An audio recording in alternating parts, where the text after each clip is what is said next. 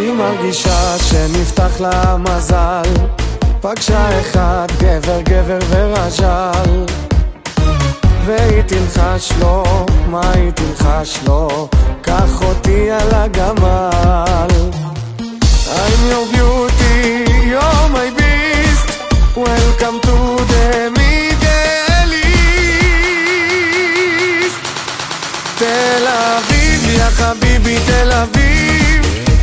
תסתכל כמה לירדים מסביב.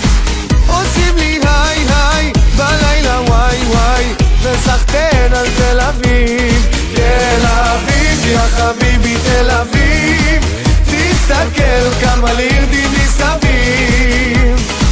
עושים לי היי היי בלילה וואי וואי וסחטיין על תל אביב הפעם האחרונה שהפועל תל אביב ומכבי תל אביב נפגשו לגמר קרתה לפני 18 שנה. מאז מכבי תל אביב הספיקה לקחת 11 אליפויות, והפועל תל אביב הספיקה להתפרק ולקום מחדש. בסופו של דבר, דרבי בגמר, לא צריך להגיד יותר מזה, בפרק הנוכחי נסכם את סדרות חצי הגמר ונתכונן לגמר, אנחנו במפה פרק 40, אנחנו מתחילים עכשיו. עכשיו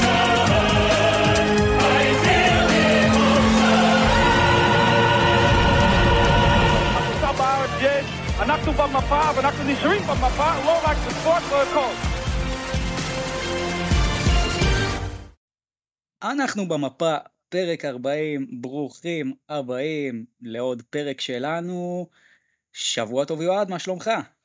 שבוע טוב, מה, מה שלומך אתה? אני שלומי בסדר גמור, תשמע, הפלייאוף, התאוששת אחרי הסדרה הזאת. כן, את האמת, אתה יודע, זה לא, זה, זה לא התחושות כמו אחרי מלאגה, כי בסופו של דבר, אני חושב, אתה יודע, שקרה פה הדבר הצפוי, אבל שמע, סך הכל אה, שבוע גדול לספורט הישראלי, אפילו אני אדבר קצת, אתה יודע, בחצי משפט פה על ענף שאנחנו לא מכירים, אתה יודע, יש כזה ענף, נקרא כדורגל, מונדיאליטו, יש נבחרת צעירה שעושה שם דברים יפים, אבל עזוב, בואו נדבר פה קצת על כדורסל, באמת שבוע כן. מרשים מאוד של כדורסל. אה, וככה לפני שנתחיל את הפרק, אה, תספר לי קצת תחושות שלך, מה עבר עליך בשבוע הזה, היית הרי בשני המשחקים גם אה, בסדרה מול חולון.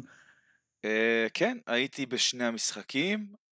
במשחק הראשון, אתה יודע, הוא נפתח קצת בצורה כזאת, אתה יודע, שכבר חולון עלתה לדו ספרתי וזה, ואנשים כבר התחילו להרים שם גבות, אבל אני אמרתי לעצמי שאתה יודע, הם פתחו בסערה, באמת עם מטווח של שלשות של אה, ג'ו רגלנד. אמרתי לעצמי, טוב, זה לא יימשך ככה. מהר מאוד הפכנו את המשחק כמו שאנחנו יודעים להפוך, אה, ועשינו 1-0, והמשחק השני זה כבר היה במעמד צד אחד. אה, מאוד נהניתי, מאוד נהניתי מהאווירה במשחק השני בעיקר, כי לפחות מהתרשמות שלי, נתנו שם חתיכת הצגה גם ביציעים וגם על הפרקט, אה, ונרחיב יותר בהמשך.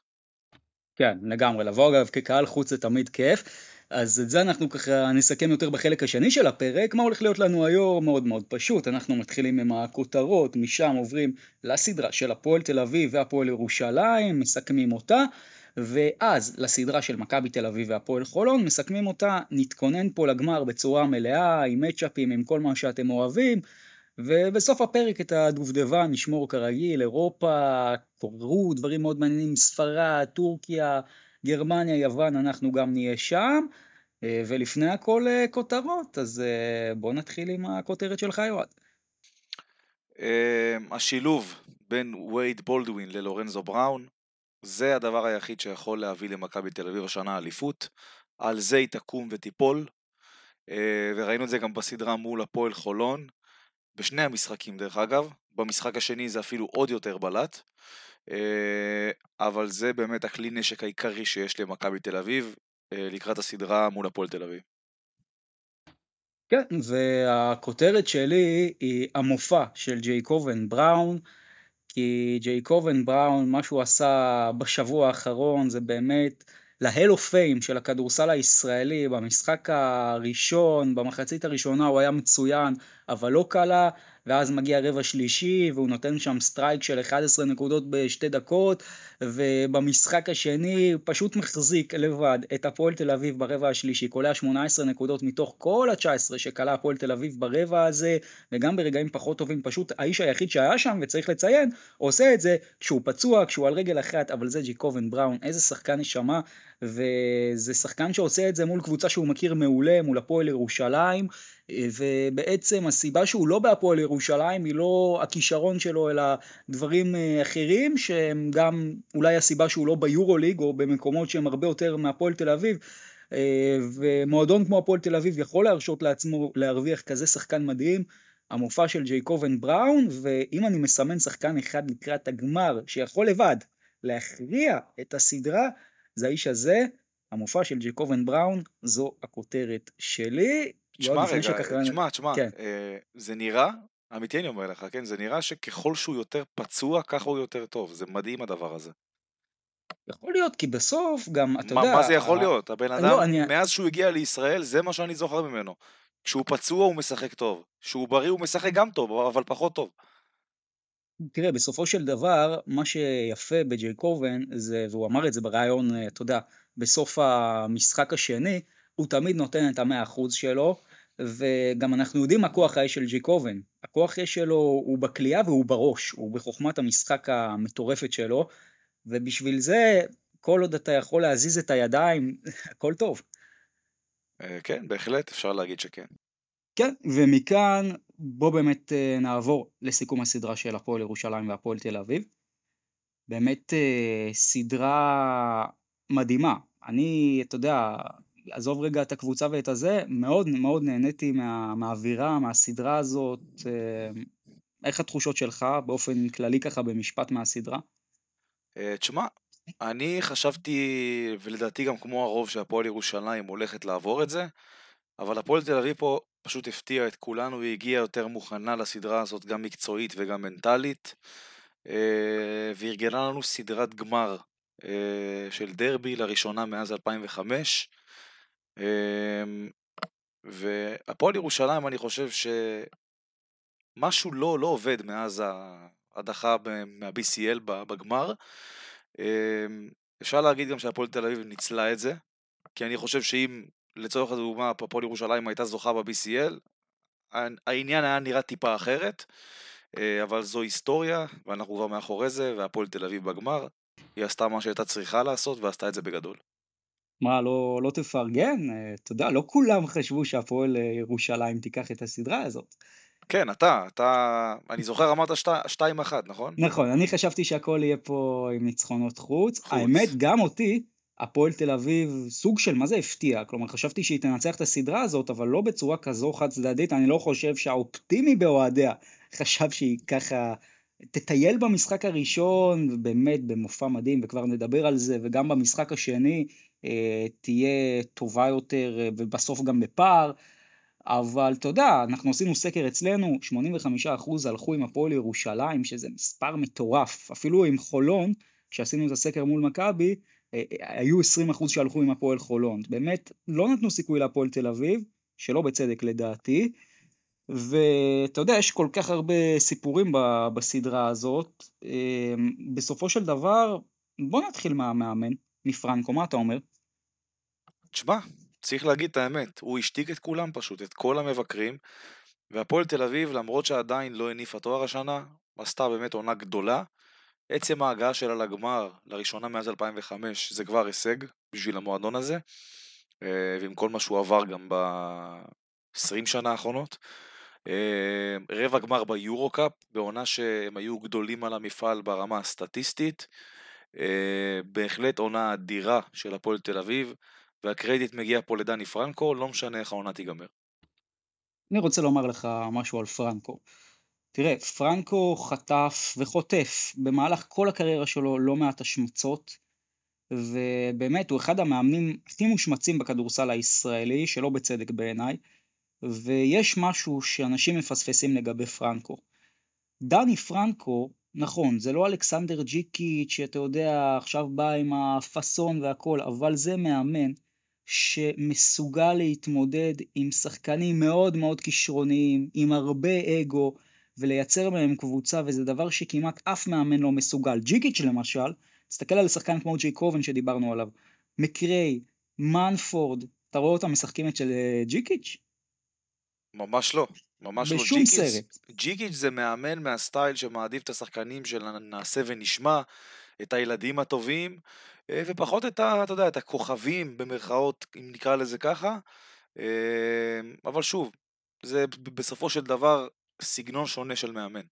אבל זה בדיוק העניין, זאת הגדולה של פרנקו, וזה אגב למה אני באופן כללי גם מאוד מעריך את פרנקו, כי פרנקו מסוגל לקחת את הכוכבים האלה שיש להם כישרון של יורוליג, אבל הם לא ביורוליג מסיבות שונות, נקרא להם סיבות אישיות, אתה יודע, יהיו אנשים שאפילו יאמרו אד קייס, אני פחות אוהב את זה, אני יותר אוהב להשתמש בסגנון של שחקנים שאתה יודע, יותר צריכים את החופש שלהם, פחות צריכים שמישהו יושב עליהם, אה, כן צריכים את היצירתיות, זה מאוד מאוד מסוכן אגב, הרבה מאוד פעמים ללכת לקבוצה כזאת, אבל זאת הגדולה של דני פרנקו, כי הוא יודע איך לעשות את זה, הוא יודע להתמודד עם הכוכבים האלה, אתה יודע, בירושלים עם דנטה סמית, אם אתה זוכר, הרבה צחקו עליו שהוא כאילו סמרטוט של דנטה, אבל בסוף הוא ענה באליפות היסטורית אחרי 72 שנה. זה מאמן שגם יודע לשים את האגו שלו בצד, לנהל את כל האופרציה הזאת, ואתה יודע, כשאתה מסתכל על הפועל ירושלים מול הפועל תל אביב, למי היה תקציב גבוה יותר השנה? אה, אני לא יודע להגיד לך את התשובה במדויק, אבל אה, לפחות לפי מה שאני זוכר, דיווחים והכל, זה סדר גודל של, אתה יודע, כמעט זהה, אין איזה יתרון משמעותי לפה או לשם לקבוצה כלשהי. יפה, ומי הביאה לכאורה את השחקנים היותר מוכשרים? הפועל תל אביב, אבל שוב, כמו שאמרנו מקודם, זה הכל בחירה של מאמן, ואיזה אופי הוא רוצה את השחקנים שלו ש... שיהיו. וזאת בדיוק הנקודה, כי לפרנקו, אוקיי, צריך לשפוט אותו, וזה אני אומר גם לכל מי שלועג לפרנקו, תשפטו אותו גם על הדבר הזה, על זה שהוא מסוגל, הרי ג'יקיץ' לוקח קבוצה שהיא לצורך העניין שווה שבע, ועושה ממנה תשע. אבל הוא עושה את זה לצורך העניין, אתה יודע, בתקציב X. פרנקו בתקציב X אולי לוקח קבוצה ששווה 9, כן, ובונה אותה, ו- ומוציא 9 וקצת או 9, אבל בסופו של דבר צריך גם לזקוף את זה לזכותו של פרנקו, שהוא יכול ויודע איך להתחיל מנקודת פתיחה מאוד מאוד מאוד גבוהה, וזה דבר שהרבה מאמנים לא יודעים איך לעשות. בוא, כי אני לא חושב שמקריי או מנפורד הם לא שחקנים ששייכים ליורוליג או ג'קובן, אבל הנה ג'קובן זה דוגמה קלאסית לשחקן סופר מוכשר, שבגלל כל מיני סיבות אישיות פשוט לא נמצא ביורוליג. אבל זה בדיוק הגדולה של פרנקו. אתה יודע, קח למשל את הצ'יף, אוקיי, צ'יניאנו. התחיל את העונה בססרי. לא ידעו איך לאכול אותו שם. עכשיו בוא, הוא לא שיחק עכשיו, אתה יודע, בברצלון. הוא שיחק בססרי ואנחנו יודעים מה, מה האיש שווה. שווה את האיכויות פי, פי כמה וכמה. אבל בסוף אפילו במועדון יחסית בינוני כמו ססרי הוא לא, הוא לא הצליח, ואצל פרנקו אתה רואה אותו פורח. זה, זה הגדולה של המאמן הזה. זה, זה מאמן גם שהצמיח המון שחקנים, בוא לא נשכח. המון שחקנים הוא הצמיח, כולל את ברטימור לצורך העניין. כן, אני, אני די איתך פה.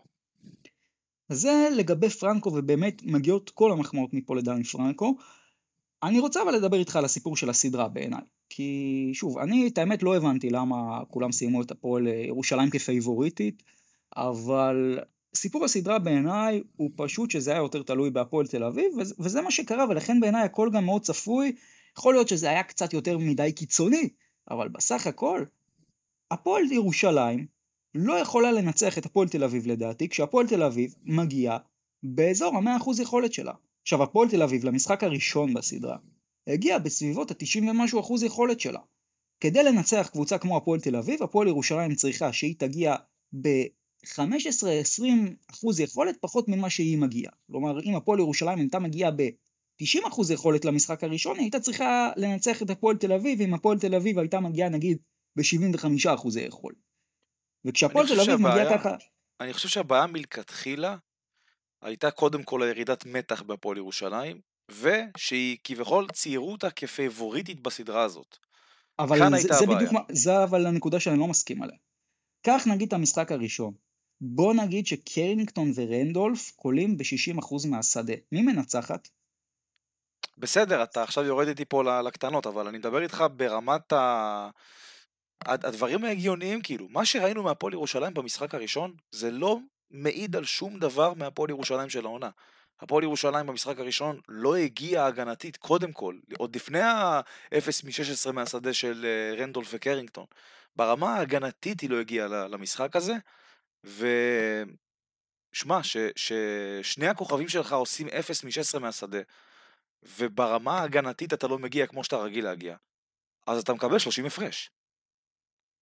תראה, אני שוב די לא מסכים פה, כי לדעתי, אני אומר לך ככה, הפועל ירושלים, בסגנון שלה, יש לה לימיט מסוים, והלימיט הזה הוא הרבה יותר נמוך מהפועל תל אביב. ובסוף, יוד, הסיפור בפלייאוף, אנחנו רואים את זה לאורך שנים.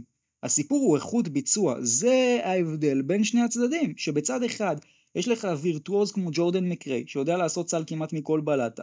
בצד אחד יש לך את אה, ג'ייקובן בראון, שראינו אותו במשחקים, גם בראשון, גם בשני, לבד, בדקות מסוימות. אשכרה עובד על רצפים של נקודות האיש כן, הזה. פשוט עושה סטרייקים, כאילו באיזה אולם באולינג, או לא יודע איפה.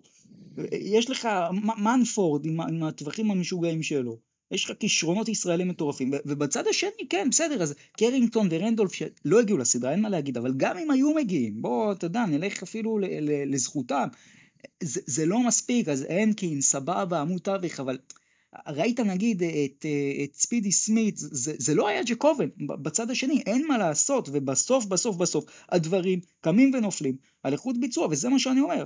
במשחק הראשון, הפועל תל אביב הגיע באזור ה-90 ומשהו אחוז יכולת שלה. הפועל ירושלים הייתה יכולה לשחק מדהים, לדעתי, איך שהפועל תל אביב הגיע במשחק הראשון, לא הייתה מנצחת. הפועל ירושלים הגיע ב-40-50 אחוז יכולת, אז זה נגמר 31 הפרש. המשחק השני כבר היה יותר מאוזן. הפועל אה, תל אביב נגיד הגיע ב-80 אחוז יכולת, הפועל תל אביב לא נתנה הצגה במשחק השני כמו במשחק הראשון. הפועל ירושלים גם הגיע ב-60-70 אחוז יכולת שלה, אז זה נגמר ביתרון 9 להפועל תל אביב. אם הפועל ירושלים הייתה מגיעה באזור ה-100 אחוז יכולת שלה, אולי היא הייתה מצליחה לקחת את המשחק השני. ככה אני רואה את זה, ובסופו של דבר אני גם אגיד לך עוד נקודה לפני ככה שממש נעבור לשני המשחקים באופן יותר אה, של מיקרו. אתה יודע, כל הזמן מדברים על הגנה, הגנה, הגנה, אה, וזה בדיוק למה אני חושב שבמשחק הזה התקפה יותר חשובה, כי בסופו של דבר, כמו שאמרתי, להגנה יש לימיט מסוים. אה, ואנחנו ראינו את זה בפלייאוף, שמע, במשחק הראשון, במחצית הראשונה, הפועל תל אביב כמעט כל סל שלה היה יותר מחורפן מהשני. אלו היו סלים מאוד מאוד מאוד קשים, והפועל ירושלים שמרה מעולה במחצית הראשונה במשחק הראשון לדעתי. היא באמת הביאה את הפועל תל אביב לזריקות קשות, אבל זה בדיוק ההבדל, וראית את זה גם במשחק השני עם אה, מקריי, שכלה שם שתי שלשות, בצד שני לא קולים, אה, גם שלשות פנויות. שתי שלשות אז... שהגיעו אחרי אופנסיב ריבאונד. נכון, אבל על זה בדיוק הדברים האלה נופלים, כי גם האופנסיב ריבאונד זה עניין של זריזות, זה עניין של יכולת, זה גם עניין התקפי בסופו של דבר. של רצון אבל... גם. גם של רצון, נכון. אבל אני אומר, בסוף, מבחינת, אתה יודע, איך שהכדורסל מתנהל, באופן הכי פשוט, ואולי, אתה יודע, שווה גם לעשות על זה מתישהו פרק ככה בפגרה, ממש רק על הנושא הזה. בהגנה, יש לך תקרה מאוד מאוד uh, מסוימת, שאתה יכול לשמור טוב, נכון? אתה מכיר את המונח ששחקן uh, קלה סל, אבל אומרים הייתה הגנה טובה. מכיר את המונח הזה? כן. מישהו קולע, אבל הייתה מה זה הייתה הגנה טובה? הוא קלע, איך, איך הייתה הגנה טובה? אבל אני מאוד מסכים עם המשפט הזה, כי בסופו של דבר, ברגע שאתה שומר ברמה מסוימת, במקסימום, אתה באמת יכול להגיע למצב שכדי לקלוע עליך יהיה מאוד קשה. אבל במשחק הזה, והשחקנים המקצוענים, אלה שמשחקים, הם בדיוק השחקנים שיודעים לעשות את הדברים האלה. להתעלות מעל ההגנות הכי טובות שיש. זה לא שהפועל ירושלים היא הגנה ברמת המקסימום, ממש לא. זה גם לא שג'ייקובן בראון זה התקפה ברמת המקסימום. אני פשוט אומר, התקפה אם אתה טוב, אתה כמעט מכל בלטה, מכל פוזיציה, בכל זמן יכול לעשות סל. אתה יודע, בהגנה אני, אתה הרבה יותר אתה, מוגבל.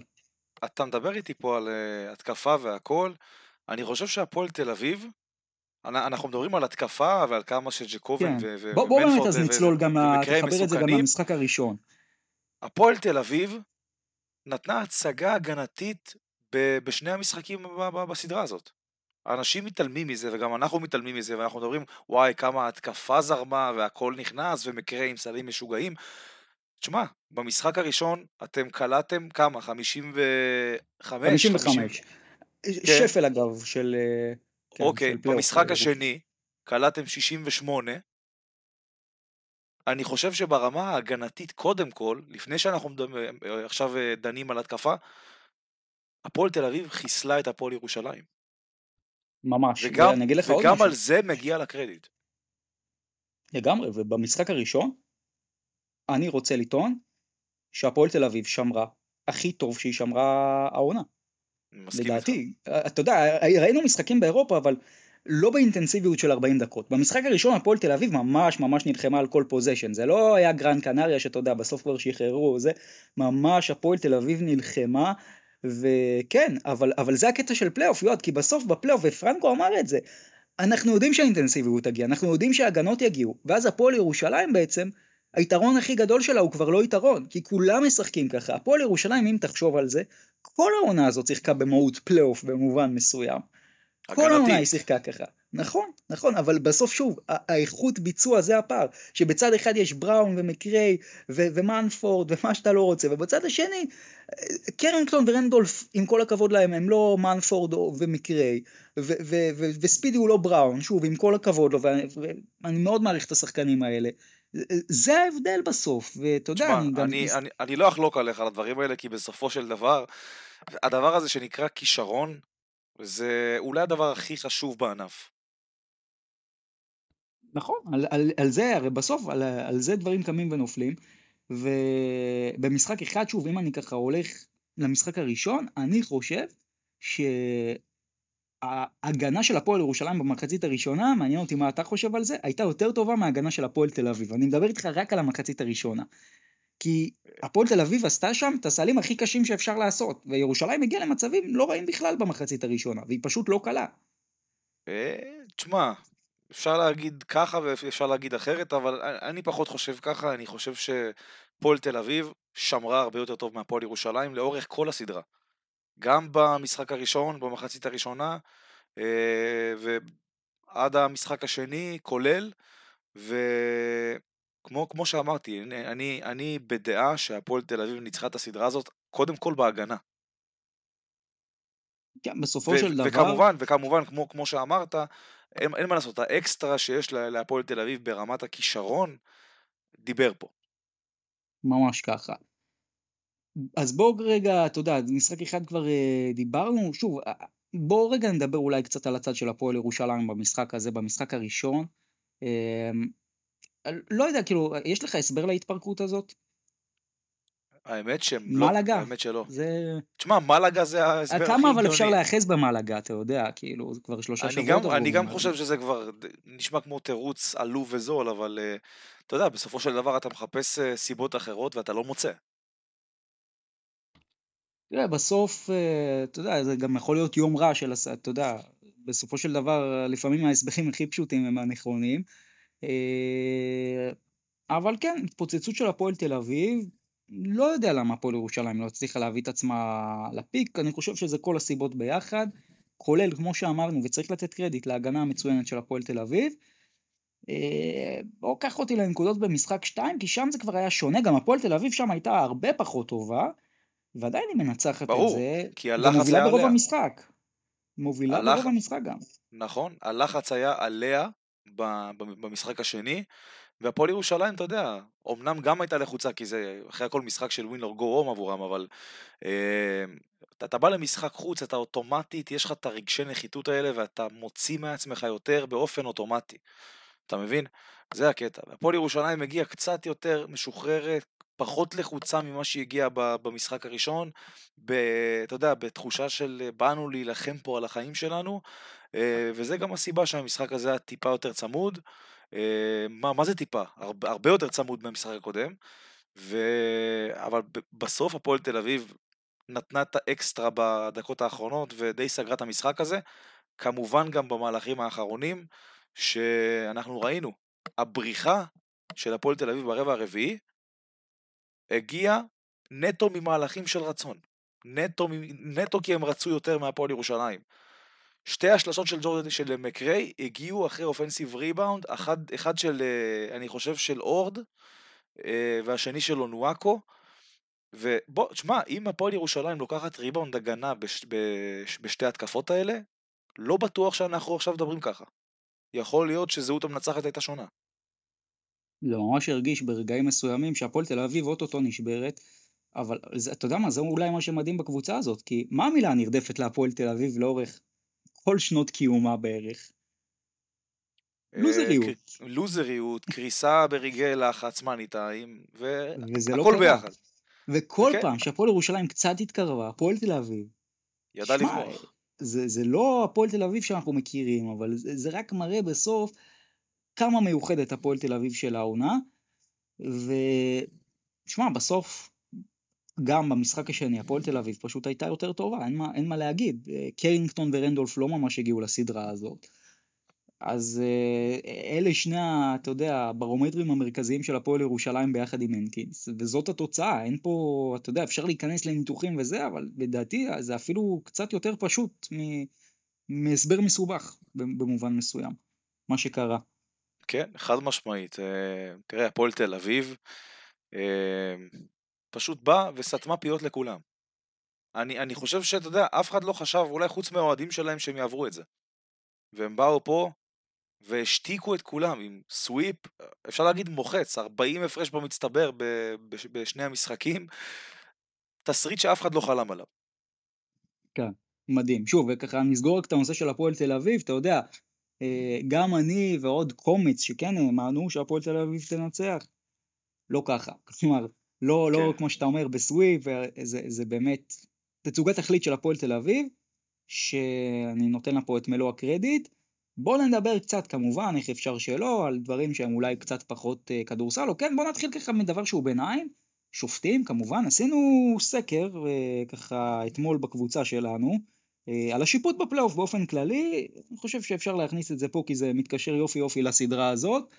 84% אומרים השיפוט מזעזע, 16% אומרים שהשיפוט סביר, והייתה עוד אופציה שהשיפוט מעולה, כמה אחוז אמרו? אפס, עגול, מתוך 110 איש, אף אחד אפילו לא בא להגנת השופטים. עכשיו תראה, אני, אני רוצה לומר לך משהו. אני חושב, אני מודה, אני מהקומץ שחושב שהשיפוט היה סביר. אני לא חושב שהשיפוט פה הוא עד כדי כך רע. תראה, הרבה מאוד זוכרים, הרבה מאוד זוכרים את המשחק מול בני הרצליה נכון, בארנה, ששם זה היה באמת קטסטרופה. אז אני חושב שהרבה מאוד מתוצאות ההצבעה בסקר הזה, אפשר להגיד נבעו מהמשחק הזה. כן, אבל בסופו של דבר, אה, האם, בוא, בוא נשאל את זה הכי פשוט, האם לדעתך שופטים הכריעו את אחד מהמשחקים האלה? אחד לא. או שתיים? לא, חד אוקיי. משמעית לא. עכשיו, בוא נדבר מבחינת השיפוט, אני חייב לומר משהו. אני לא, שוב, אני קודם כל רוצה לחלק את זה לשניים. אם התוצאות של הסקר שלנו הם שאפילו אין צדיק אחד בסדום שמוכן להתייצב ולומר שהשיפוט מעולה, יקומו ויתכבדו השופטים וגם יסתכלו קצת על עצמם, אוקיי? כי לא הגיוני שכולם עד כדי כך חסרי מושג וטועים בגדול. לא הגיוני פשוט. יקומו ויתכבדו השופטים ויסתכלו על עצמם, איפה הם טעו. כי הם טעו בלא מעט מקרים אגב. מהצד השני, אני חושב שהשיפוט בארץ, הבעיה שלו היא לא האיכות, אלא ההנגשה שלו. זה שבסופו של דבר הוא לא מונגש לאנשים. כי אני פעם, יצא לי כמה פעמים האמת, לדבר עם אה, שופטים וגם אפילו לעשות איזה קורס מאוד מזורז. הרבה מאוד מהדברים הם קודם כל נתונים לשיקול דעתו של השופט, ודבר שני, הם בסופו של דבר לא מה שתמיד חושבים. לא מה שתמיד חושבים, החוקה ממליץ לקרוא היא, היא לא מה שהאוהד הממוצע חושב, וזה הרבה פעמים מייצר את הפער. ואולי שווה, אני ככה אומר את זה בנקודת זמן זו, שבטח עכשיו, אתה יודע, יהיה גם, כי הרי במשחק השני, אתה יודע, הפועל, אה, אם תסתכל על הסטטיסטיקה, הפועל ירושלים והפועל תל אביב, כמעט אותו דבר, איפה ההבדל המרכזי? בזריקות העונשין. אז בסוף כן צריך גם לשים אה, קונטקסט, לה, אתה יודע, לא, לאירועים ולדברים, אה, ובטח תהיה פה גם מסיבה על זה, אבל לדעתי השיפוט פשוט לא מונגש לציבור. מה אתה אומר? אה, תשמע, אני לא אוהב לדבר על שופטים, אה, אבל אתה יודע, כשאין ברירה, אז אין ברירה. חייב להגיד את האמת. השיפוט בכללי, אני, אני לא מדבר רק על הליגה, גם ביורוליג, גם ב-BCL, למרות שב-BCL, אתה יודע, בפיינל 4 אני מאוד אהבתי את השיפוט, נתנו שם לשחק ולהרביץ כמו שצריך, לא דפקו חשבון לאף אחד. לא דפקו חשבון לאף אחד, שחקנים שם קיבלו פצצות על ימין ועל שמאל, אבל אתה יודע, אני, אני, אני אלך איתך לליגה הישראלית וליורוליג. בוא נגיד שיפוט טעון שיפור. טעון שיפור, אני חושב שהם לא עושים את עבודתם כמו שצריך, אמ, ויש מקום להשתפר בכל מה שקשור לשיפוט. אמ, ואתה יודע, אבל אחרי הכל גם, לא משנה עד כמה השיפוט גרוע ורע, אנחנו הישראלים תמיד נתלונן על שיפוט, לא משנה מה. כן. זה האופי שלנו. וזה לגיטימי להתלונן על שיפוט, מה שפחות לגיטימי זה לזרוק מצית לשופט שפוגעת לו בראש. זה בושה וחרפה, ואני מאוד מקווה שהאוהד הזה יורחק. איך אתה באמת מסביר את זה? כי אתה יודע, דיברנו, הפועל ירושלים היא בעצמה עשתה קמפיין על האנושיות והכל, אבל הקהל של הפועל ירושלים טיפה איבד את זה בשבוע שמה, האחרון, לא? אני אגיד לך את האמת, אני, אני לא חושב שהאוהד הזה זרק את המצית במטרה לפגוע במצח של בלק. בוא. הוא זרק את זה סתם, אתה יודע, מתסכול ככה, ש- שיפול על הפרקט וזה, זה בטעות פגע בבלק וזה נהיה איכשהו כאילו במכוון, אבל דברים לא צריכים להיזרק מהיציאה למגרש, זה, נקודה. כן, ושוב, מבחינתך אגב, אה, מה צריך להיות העונש? האם הוא קולקטיבי? לא קולקטיבי? לא, צריך לעשות בדיקה במצלמות, לחפש ספציפית את אותו אוהד, ולהרחיק אותו לשנה, שנתיים, אני יודע. אז אני סופר מסכים איתך, ואנחנו גם נדבר על זה בהמשך, בענייני רשתות וכאלה. אני נגד עונשים קולקטיביים במקרה הזה, גם שמעתי, אתה יודע, קולות אני. שטענו שצריך להפסיק את המשחק והכל, לא. לא, לא, לא ממש לא. בן, אם יש בן אדם אחד שהוא uh, פושע, תפסו אותו, תוציאו אותו החוצה, תעשו איתו מה שצריך. אבל, בגלל בן אדם אחד, אל תהרסו ואל תחתימו את השם של כל הכדורסל הישראלי ושל קהל שלם. אה, זה חד משמעית. אני כן רק אומר שאתה יודע, בנוסף למצית הזאת, אתה יודע, פה לירושלים עשו דברים שאני לא רגיל לראות מהם, ב... מאז שאני עוקב, בסדר? אה, ואני מכיר את הקהל הזה טוב, אני מתוכו. צריך גם לומר, ראוי גם להנמיך את הלהבות בקטע הזה, אה, לזרוק חפצים לפרקט, דברים כאלה, זה לא דברים שאני זוכר יותר מדי מאוהדי הפועל ירושלים.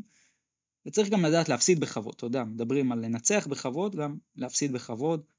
יהיה ראוי אה, ללמוד לעשות את זה כמו שצריך. אני איתך פה. תן לי כמה מילות סיכום לעונה של ירושלים, נעשה גם כמובן, אגב, פרק סיכום מפורט ומלא לעונה של הפועל ירושלים באירופה, זה כשכל החגיגה של הפלייאוף תיגמר, גם עם מכבי ביורוליג, אבל ככה, אתה יודע, על הדרך במשפט, שניים, שלוש. אמ, אני ציפיתי ליותר, לפחות בכל מה שקשור למאבק על האליפות. אבל בגדול אני חושב האוהדים של הפועל ירושלים יכולים להיות מאוד מרוצים מהעונה הזאת, כי לבוא, ואתה יודע, זה, זה, זה כל המכלול, זה איך שהיא התחילה אה, בצורה חלשה, עם תבוסות על ימין ועל שמאל, והפסדים בליגה, אה, ואתה יודע, הם היו זקוקים לאיזשהו נס בשביל אה, לעבור שלב בהתחלה, אה, ואיך שהיא המשיכה, תשמע, להגיע לגמר ה-BCL, אה, בעונה ראשונה של, שהקבוצה הזאת נבנתה, לקחת גביע ראש בראש מול מכבי תל אביב, אחרי ניצחון עליה בגמר. אה, זה לא דבר של מה בכך, ובגדול, הפועל ירושלים יכולה להיות מרוצה מהעונה הזאת, אה, וכמובן עם כל הבעלים החדש שהגיע, והשאיפות הבאות, עם הכסף הגדול שמדברים עליו, והמעבר המסתמן ליורו-קאפ, יכולה אפילו להיות אופטימית גם להמשך. אז אני רוצה לסכם את זה ככה. קודם כל על הנייר. הפועל ירושלים בעונה הזאת, כשאני גם מסתכל על היריבות וההצטלבויות והכל, אז בגביע ווינר הודחה בדיוק איפה שהיא הייתה צריכה על הנייר, מול הפועל תל אביב שהיא קבוצה טובה יותר לדעתי. בגביע הייתה צריכה להיות מודחת שוב מול אותה קבוצה, מול הפועל תל אביב, והיא זכתה, זה מטורף, זה הישג אדיר. בליגה בדיוק סיימה בערך איפה שהיא הייתה צריכה לסיים, וגם המאזן שלה 27 הוא לא כזה מובן מאליו מבחינתי, אני חושב שהעונה הזאת הייתה הרבה יותר טובה גם אפילו ממה שהיא הייתה צריכה להיות אולי, ובאירופה, אתה יודע, הצטלבויות קלות והכל, אוקיי, אז אולי הדרך לרבע גמר הייתה צריכה להיעשות כך או כך, אבל uh, אתה יודע, גם uh, בסוף להבטיח את המקום הראשון בשלב השני, להעניק לעצמך יתרון באיטיות, להגיע ולעבור את אייק ובסופו של דבר לנצח את אנריף, זה מדהים, זה באמת אה, דברים מופלאים שהפועל ירושלים עשתה עונה. אז עונה מדהימה של הפועל ירושלים לדעתי, וההפסד הזה אולי הוא צביטה קטנה, אבל הוא לא, הוא לדעתי לא משפיע. כאילו, גם התחושה שלי לפחות הייתה שהפועל ירושלים אחרי אירופה לא, לא תעשה עוד יותר מדי, אבל זה באמת עונה יפה, ואני גם אגיד לך נקודה חיובית על ההפסד. תופתע, יש נקודה חיובית. בחשיבה לעונה הבאה, יכול להיות שבטווח קדימה, ניצחון פה היה מזיק להפועל ירושלים. כי הייתה אולי חושבת איזה קטע עבד לנו, בואו נשאר ככה עם כל הסגל קומפלט, וזו טעות. זו טעות, אנחנו נגיע לדבר על זה אולי גם בהקשר של חולון, כמה דברים מעניינים, אבל הפועל ירושלים, אה, העונה הזאת, הצליחה להוציא הרבה יותר ממה שהיא שווה אה, במיוחד באירופה. לא הייתה קבוצה רעה, אה, הייתה קבוצה טובה מאוד יחסית, אבל עדיין הצליחה להוציא יותר. לא בטוח שזו הדרך הנכונה להתחיל עונה. לא בטוח שזו הדרך הנכונה להתחיל עונה. יכול להיות שעכשיו יחשבו אולי על יותר שינויים ושדרוגים. אם אתה שואל אותי, נגיע לזה גם, אבל הלב שזה קדין, רנדול והנקינס, חייבים להישאר בכל מחיר. לגבי השאר, בטוח לדיון. כן, חד משמעית. טוב, בואו מפה ניסע ככה לתל אביב חולון. אה, תשמע, בסופו של דבר, לא יודע, היה פה מישהו, אמר אה, דו ספרתי כל משחק, לא? כן, האמת שגם קלעת בול, אבל... אה, הופתעת את האמת, הופתעת מהחולשה של חולון או מהכוח של מכבי? ממה... האמת, האמת אני אגיד לך מהחולשה של חולון. עכשיו אתה יודע, התקפית הם לא היו רעים, אבל הגנתית, זה, באמת, זה, זה כאילו קונוסים. כל מי שרוצה מטייל, עושה מה שהוא רוצה. גם מכבי תל אביב, לא קבוצת הגנה גדולה, אבל לפרקים היא יודעת מתי להרים את הרמה באמת בהגנה ולגמור את המשחקים האלה. הפועל חולון זה מדהים. כל התקפה מקבלת סל. פרסמנו 96 נקודות בממוצע חולון סופגת בשישה משחקים מול מכבי, העונה שאת כולם היא מפסידה. עכשיו זה ברמת, כן, אתה יודע... אני חושב, ש... אני, חושב שהיא עברה, תקן אותי אם אני טועה, אני חושב שבסדרה היא עברה את ה-80 פעם אחת. בשני המשחקים. נכון. במשחק כן. השני, וגם זה, אתה יודע, אחרי דקות של garbage time כזה, שכל אחד שם שיחק על המספרים. אם אתה לוקח ממוצע של סדרה, אז היא ספגה מעל 100 בשמחה הזאת. כן. ספגה 101, זה, זה פשוט נתונים מטורפים, אבל אני רוצה, אתה יודע מה, להתחיל ככה קצת מחולון עצמה. אה, לפני שנעבור למכבי, אה, חולון, תקרא לזה איך שאתה רוצה, שוד הדעת, התעתוע, ההפתעה, הייתה בעונה שעברה, היא לא הייתה בעונה הזאת. כי הפועל חולון, עם כל הכבוד, עשו ממנה יותר ממה שהיא, וככה אני תופס את הקבוצה הזאת כבר שנתיים. עונה שעברה הייתה עונה נהדרת בזכות קו אחורי מפחיד של רגלנד עם uh, מגי ובעצם uh, אדם סמית, שהוא היה המנוע של הקבוצה הזאת. ברגע שחולון נמדה שניים מהשחקנים האלה, ובעונה הזאת גם, אתה יודע, צירפה את ארין גרין, ואחרי שלושה חודשים גם לא הצליחה לשמור עליו, אז היא איבדה פשוט את כל הכוח שלה. עכשיו, גם חולון של העונה שעברה, בוא, היא לא הייתה באמת קבוצה לאליפות, ולא הייתה באמת קבוצה לפיינל פור של ה-BCL, עם כל הכבוד. לא הייתה שווה את זה על הנייר, מה לעשות? עכשיו, זה שזה, אתה יודע, עבד לה, או התלבש לה, מה שנקרא, זה אגב בדיוק מה שאני אומר על הפועל ירושלים העונה. במובן מסוים, יש עונות כאלה, הכל טוב, ואתה יודע, הדברים האלה, יפה מאוד שהם קורים, זה האופי בספורט. לבנות על זה לאורך זמן, אני לא יודע עד כמה זה חכם, וזה לדעתי הסיפור של חולון העונה. כי בסוף, הפועל חולון הביאה את המושג, אתה יודע, אנחנו דיברנו קודם התקפה הגנה, אבל יש גבול לחלטורה. אי אפשר לבוא למשחק כדורסל מול מכבי גם. אתה לא, לא באת מול קבוצה שלא יודעת לקלוע, באת מול הקבוצה הכי מוכשרת בדבר הזה. וככה להתבטל? לא יודע, לא, לא מובן לי הקטע הזה. יש לך הסבר, משהו? זה, זה... תראה, חולון לא הייתה קבוצת הגנה טובה לאורך כל העונה, אבל לפחות לפי מה שאני ראיתי, ברמה ההגנתית היא הייתה פשוט זוועתית בסדרה הזאת. אתה יודע, היא אפילו לא ניסתה להקשות על מכבי, זאת אומרת, אתה ראית את לורנזו בראון ובולדווין שם פשוט מלהטטים, עושים מה שהם רוצים. במשחק השני, עם 18 אסיסטים משותפים, הם פשוט רקדו שם, עשו מה שהם רוצים, ואתה לא רואה ממול שום ניסיון לעצור את זה, לשמור את זה, אה, וצריך גם להגיד שהפועל חולון נראתה הרבה אזורית, ודי הימרה על הכלייה של מכבי, וזה עלה לה ב-18 שלשות. אז לא כל יום מכבי תקלע ככה, אה, אבל הפועל חולון בסופו של דבר לקחה פה הימור, נכשלה בו. אה, עכשיו עזוב את האזורית, גם ברמת ההגנת אחד על אחד, אני, אתה יודע שם קטע שאני ראיתי את ג'יי כהן לוקח את דלטון מקו השלוש בחדירה עד ללאפ.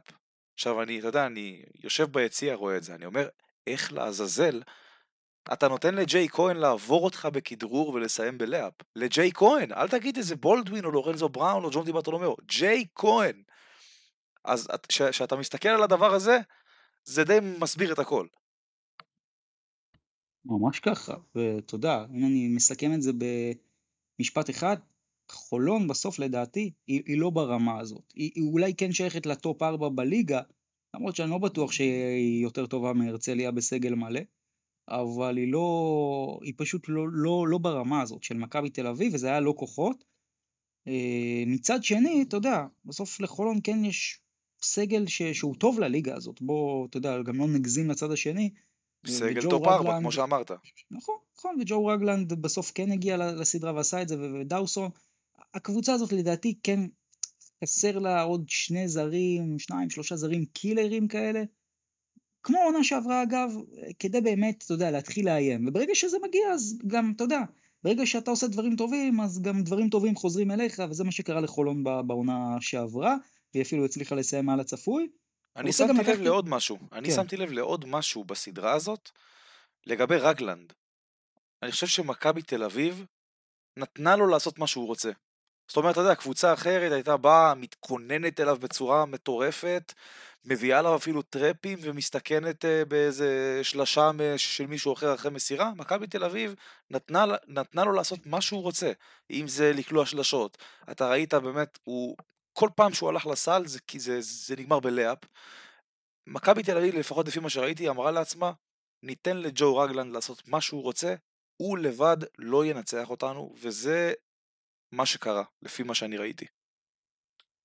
ומבחינת המשחק הראשון, שלכאורה היה צמוד יותר, האם, אתה יודע, היה שם אה, כמה? שוויון 61, נכון? מה, כן, מה היה כן. שם בסוף? היה, היה חולון הוביל הדו-ספרתי, מכבי כמובן חזרה, עלתה בעצמה לאזור הדו-ספרתי, חולון שוב הפכה את זה, אה, אבל אז אתה יודע, הגיעה הבריחה, ואני חושב שבאזור אמצע הרבע השלישי בערך, אה, שם נגמר המשחק הראשון. הרגשת אבל שחולון הייתה במשחק? כי במשחק השני אני חושב שנינו נסכים שחולון לא הייתה שם. לא, במשחק אלא... השני הפועל חולון לא הייתה במשחק בשום שלב, גם שמשגב קלה שלושה וזה ירד לחמש הפרש, אני אמרתי לחבר ביציע שהיה איתי, תשמע, זה החמש, זה הצמצום לחמש הפרש הכי משקר, אנחנו עוד כמה דקות חוזרים פה לדו ספרתי, וזה מה שקרה. במשחק הראשון, אני אגיד לך את האמת, היו בי כמה רגעים של חשש, אבל גם זה היה, אתה יודע, לכמה רגעים, כי אתה יודע, מהלכים קטנים של מומנטום וזה נעלם בשנייה, וגם כבר באזור אמצע הרבע השלישי, אה, אמרתי לעצמי, טוב, העסק פה גמור, אה, מזה הם כבר לא חוזרים. כן. אגב, תסביר לי, איך הקהל של מכבי כל כך פחד מהסדרה הזאת, ולמה? אני שמעתי טיעונים, הטראומות משנה שעברה, אבל אני, בסוף אני נתתם המון קרדיט לחולון. אני ציפיתי לסדרה יותר צמודה. ציפיתי, ציפיתי לסדרה הרבה יותר צמודה ממה ש, שהייתה. אה, ואתה יודע, הפועל חולון, בוא, עם כל הכבוד, זו, זו, היא, היא לא קבוצה חלשה, זאת קבוצה שכן יכולה לעשות צרות, והיא גם עשתה צרות ללא מעט קבוצות טובות השנה. אה, יש לה רכז על כמו ג'ו רגלנד. אה, רכז, אני רק אוסיף ככה בצד, לדעתי ברמת טופ יורוליג, באיכות. שלו. אני, אני, לא יודע אם טופ יורו ליג, אבל הוא, הוא שייך ל, בהתקפה, לרמות בהתקפה, האלה. בהתקפה, בהגנה הוא שייך לליגה. כן, עזוב, עזוב, ברמה ההתקפית הוא שייך לרמות של היורו ליג, אין צל של ספק, אבל תשמע, שון דוסון גם בתקופה טובה מאוד לפני הסדרה. Uh, אתה יודע, אפילו סי.ג'יי אריס שאנחנו נוטים קצת, uh, אני לא אגיד לטנף עליו, אבל אתה יודע, גם הוא בסדרה מול גליל היה מצוין. והפועל חולון הגיע במומנטום די טוב לסדרה מול מכבי, ומכבי הגיעה במומנטום בדיוק הפוך, אבל אני טענתי לא מעט פעמים שמכבי תל אביב לח... לחצי גמר הפלייאוף תגיע אחרת ממה שראינו בסדרה מול באר שבע, ועדיין אני ציפיתי לסדרה יותר צמודה, ולא יודע, אני גם, אני חושב שאם תשאל את האוהדים של הפועל חולון, הם לא ציפו ל- ל- להתבזות ככה, להיות מודחים בסוויפ של 2-0 אה, בהפרש מצטבר של אזור ה-45, 40, אה, ואני חושב שהם הם יוצאים די מאוכזבים מהעניין הזה. לא, הם, אה, הם לא ציפו, אגב הסדרה הזאת נגמרה בהפרש אחד יותר של ירושלים, נגמרה ב-41 הפרש והסדרה השנייה ב-40 כן. הפרש. לא ציפו, לא ציפו, אוהדי חולון, ואתה יודע, בסוף יכול להיות שהתשובה היא שוב איכות אה, ביצוע וכישרון, כי אין מה לעשות, חולון לא יכולה להתמודד עם מכבי בדבר הזה, על זה דיברנו הרי. כשהיא לא שומרת זה ברור, כשהיא לא שומרת זה נכון. ברור, ואנחנו ראינו בכל הסדרה, בשני המשחקים, וייד בולדווין ולורנזו בראון עשו מה שהם רוצים, אין מילה אחרת.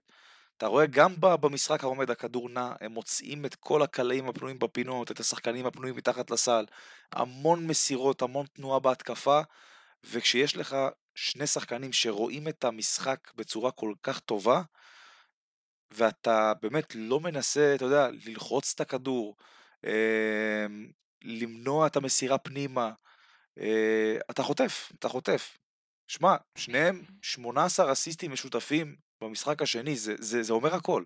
הם עשו מה שהם רוצים, וה-18 שלשות שמכבי קלעה במשחק השני, בעיקר בזכות זה שלורנזו ובולדווין עשו מה, מה שהם רוצים.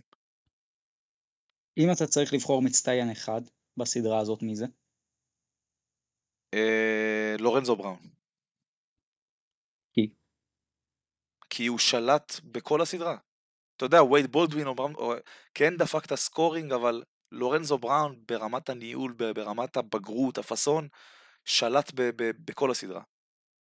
גם באסיסטים, אה, אפילו בנקודות, אנחנו ראינו כמה סלים גדולים שלו, ביצועים ענקיים, אה, מסירות אומן לאליופים בהתקפות מעבר. דרך אגב, אני חושב שלורנזו בראון זה אחד ממקבלי ההחלטות הטובים ביותר באירופה במשחק מעבר.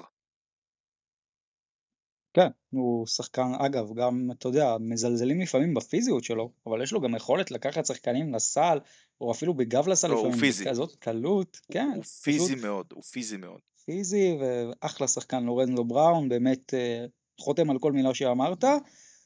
אה, טוב, לפני ככה שנעבור, אתה יודע, לסוף ולקטע של ההכנה באמת לגמר, בואו נדבר קצת אולי שוב קצת פחות כדורסל, אז זה היה סוף משחק אחד אה, ככה מכות ומהומה, ומה יהיה עם זה ועם הרשתות? בוא תגיד לי איך אתה רואה את זה. אמ, אתה יודע, היה סרטון אחד שדלף במחצית, אה, צולם, סתם. סרטון קשה, ש... אני חייב לומר, זה לא, אתה יודע, דלף וזה, זה לא כן, לא סרטון כן, פשוט. באמת מיותר לחלוטין, לא מבין למה, למה צריך את זה, אבל אתה יודע, בכל קבוצה יש את האוהד החמום מוח, שכנראה שתה איזה בירה אחת יותר מדי, וזה התוצאה. כן. טוב, בוא, אתה יודע, אנחנו ככה מתחילים להתקרב לכיוון ההכנה לגמר דרבי, אז בואו נדבר על הרשת, שאני מניח שתישאר שם כמובן גם למשחק הראשון חד בגמר. משמעית היא תישאר, חד משמעית, אלא אם כן אתה רוצה... ואתה בעד הדבר הזה? מה זה? אתה בעד הרשת הזאת? אני אגיד לך את האמת, מול האוהדים של הפועל תל אביב, חד משמעית כן. כי זה יכול להיגמר בראש שרוף של אוהד מכבי. אבל מה... אני באמת שואל, כאילו, האם זה, זה מה ששווה הכדורסל שלנו? באמת אני שואל, האם, האם זה מה לא, ששווה הכדורסל לא, שלנו? נגד, נגד הפועל חולון, נגד הפועל חולון לדעתי מיותר לחלוטין. אה, אבל שוב, אתה יודע, אנחנו ראינו לא מעט מקרים בעבר, בדרבים. אוהדי הפועל תל אביב, אני לא אגיד לך כולם, אני לא אכליל, אבל אתה יודע, יש כמה שאין מה לעשות, הם לא צריכים להיות במגרש כדורסל, ואפשר להגיד שבסוף הרשת הזאת הוקמה בשבילם, ו... אם זה יכול להציל חיים, אני לא רואה סיבה להוריד את זה. וזה אמור להציל חיים אחרי הכל. אבל ככה אתה רואה את זה? אתה רואה את זה כאילו שאם הרשת לא שם, יכול להיות ש... ש... שנסיים אירוע עם נפגעים בנפש? זה מה שאתה אומר? חד משמעית, חד משמעית. אני, מה, זה אמירה מאוד חושב, קשה. אני, אני גם, אני דרך אגב חושב שבכללי כל הסדרה הזאת שאנחנו עומדים לקראתה, כל הדרבי הזה, המשחק הראשון, השני והשלישי אם יהיה, אני, אני לצערי אומר את זה, אבל אנחנו הולכים לראות שם אלימות. אני מקווה מאוד שלא, אני רק אומר לך שלדעתי... אני גם מקווה מאוד שלא. לדעתי יש, יש איזה קו אדום מסוים, שאם אנחנו מגיעים אליו, אז מצידי גם שלא יהיה קהל. ולדעתי הרשת זה קו אדום כזה. כאילו, בסוף אתה, אתה, זה ממש להתייחס לאנשים כמו חיות. אתה לא יכול להביא אנשים גם, בוא, יש, אני, אתה יודע, אני מניח, זה, זה לא, אתה לא מסתכל טוב דרך הרשת הזאת, אה, אמנם אף פעם לא הייתי כקהל מאחורי רשת, אבל אני, אני לא. מניח, כן, אני מניח שזה לא חוויה נעימה, וזה הורס את כל צפי, הצפייה במשחק. וזה המקום גם להגיד שתתכבד משטרת ישראל ובמקום uh, לעצור ילדים שבטעות הדליקו סיגריה איפשהו באיזה אזור ביציע ולהתנפל עליהם, uh, תתכבד משטרת ישראל ותעצור באמת את מי שהיא צריכה לעצור בתור התחלה, תעשה את העבודה שלה ואולי לא נצטרך רשתות בקטע הזה, במקום uh, לחפש את המהומות עם הקהל, דווקא עם האנשים שלא צריך לחפש איתם את המהומות. אני איתך פה במאה אחוז, אבל אתה יודע, יש, אחרי הכל יש מקרים שאין אין, אין באמת ברירה. טוב, וככה, בואו עוד מעט אה, נגיע ממש לגמר, אבל ב... אם אני צריך לסכם את החלק פה על מכבי בסיטואציה הנוכחית, כמה אחוז יכולת מכבי נמצאת עכשיו מהפוטנציאל שלה לדעתך? אמ, אם אני צריך להעריך באחוזים, 80? 90? 80 אחוז. וואו, אתה נותן פה קרדיט. כן, אני חושב, אני אגיד לך מה, אני חושב שמול באר שבע מכבי הייתה ב-30-40 אחוז יכולת, וניצחה את באר שבע, כן, וניצחה את באר שבע כי באר שבע באמת לא, לא ברמה לפלייאוף. מול חולון לדעתי זה כבר עלה ל-60-70 אחוז, ופה אני גם רוצה להתחבר איתך כבר לה, לה, לה, להתחיל את ההכנה לגמר דרבי. אז רגע, אתה טוען שמכבי יכולה לשחק יותר טוב ממה שהיא שיחקה במשחק השני בחולון? חד משמעית, חד משמעית, תראה. אז מה, לקלוע, לקלוע 130 נקודות כאילו? רגע, רגע, רגע. אתה יודע מה, לא 60-70 אחוז, בסדר? מכבי הייתה ב-70-70 אפילו וקצת אחוז יכולת. אני לא נותן לה מעל 75 אחוז בשום סרט. ברור שמכבי יכולה לשחק יותר טוב. אה, אני אגיד לך גם למה. מבחינת ההגנה של חולון, ודיברנו על זה עכשיו, אה, לא, לא היה פה באמת קרב, כלומר מכבי פשוט הכניע יריב שפרס לפניו שטיח. מבחינת ההגנה של מכבי דרך אגב, להגיד לך שמכבי נתנה הצגה הגנתית גדולה, אה, לא יודע. לא יודע, אני חושב שמכבי יכולה יותר, חד משמעית מכבי יכולה יותר. הגנתית כן. לנו את זה. הגנתית כן. לנו את זה, גם ביורוליג אם אתה זוכר, הראתה לנו את זה לא מעט פעמים. בסדרה, כן, בסדרה מול מונקו למשל, מכבי תל אביב הראתה גם שהיא יודעת לשמור כשהיא צריכה. כן, ו- ופה ככה אני מתחיל להתחבר להכנה לקראת הגמר דרבי. אני חושב, אתה זוכר, דיברתי על האחוזים, ככה בתחילת הפרק, שהפועל תל אביב היא בעצם אולי 15% יותר מהפועל ירושלים, אז אני חושב שפה המקרה בדיוק הפוך. אם הפועל תל אביב רוצה לנצח את הסדרה הזאת, היא צריכה להיות באזור ה-100% יכולת שלה, ושמכבי תהיה באזור ה-80-85% יכולת שלה, או 90-75, אבל שיהיה פה הבדל של 15% לטובת הפועל תל אביב, אבל אם אני מתחבר לחלק של מכבי, אם מכבי לדעתי תשחק ב-85-90% יכולת שלה, אפילו לא 100, להפועל תל אביב זה לא תלוי בה במובן מסוים. כלומר, אם מכבי תשחק מושלם זה של מכבי. מה, מה המפתחות של מכבי לעבור את הסדרה הזאת, אתה חושב? אני אגיד לך שני דברים. אתה יודע מה, עזוב, עזוב מפתחות, מפתח. מפתח הכי מרכזי של מכבי לדעתי בסדרה הזאת, זה פשוט להגיע מפוקסת. אני יודע שזה נשמע סיסמה, אני יודע שלא צריך להגיד למכבי להגיע מפוקסת לקראת דרבי, אבל בצד השני יש קבוצה שלדעתי יש לה אקס פקטור מאוד משמעותי, שזה הרצון. תקשיב, יועד, הם לא זכו באליפות 54 שנה. אני חושב ש-95% מהאוהדים שלהם לא, לא חיו, אתה יודע, לפני 54 שנה. יותר אפילו, לא יודע. זו קבוצה שמרגישה שיש לה הזדמנות, וזו קבוצה שמגיעה אולי בכושר הכי טוב של העונה מול מכבי. מכבי לא בכושר הכי טוב של העונה. ומכבי, לא יודע, אולי איזה נאום של שמעון מזרחי זה יותר בפן, כי בפן היכולת, בקטע, אתה יודע, של, של היכולות, זה של מכבי, זה תלוי במכבי יותר מהפועל תל אביב. כמו שאמרת, לורנזו ווייד בולדווין, דיברנו קודם, אתה יודע, על בראון ומנפורד מול אה, ספידי וקרינגטון, אז עם כל הכבוד לשניהם, אה, לורנזו ובולדווין מולם זה לא באמת כוחות, אלא אם כן שמה, אתה חושב אחרת, לא יודע. לורנזו ובולדווין זה צמד שביורוליג לא היו הרבה קבוצות שהצליחו לעצור את זה. אז אתה יודע, זה, זה, זה אומר הרבה.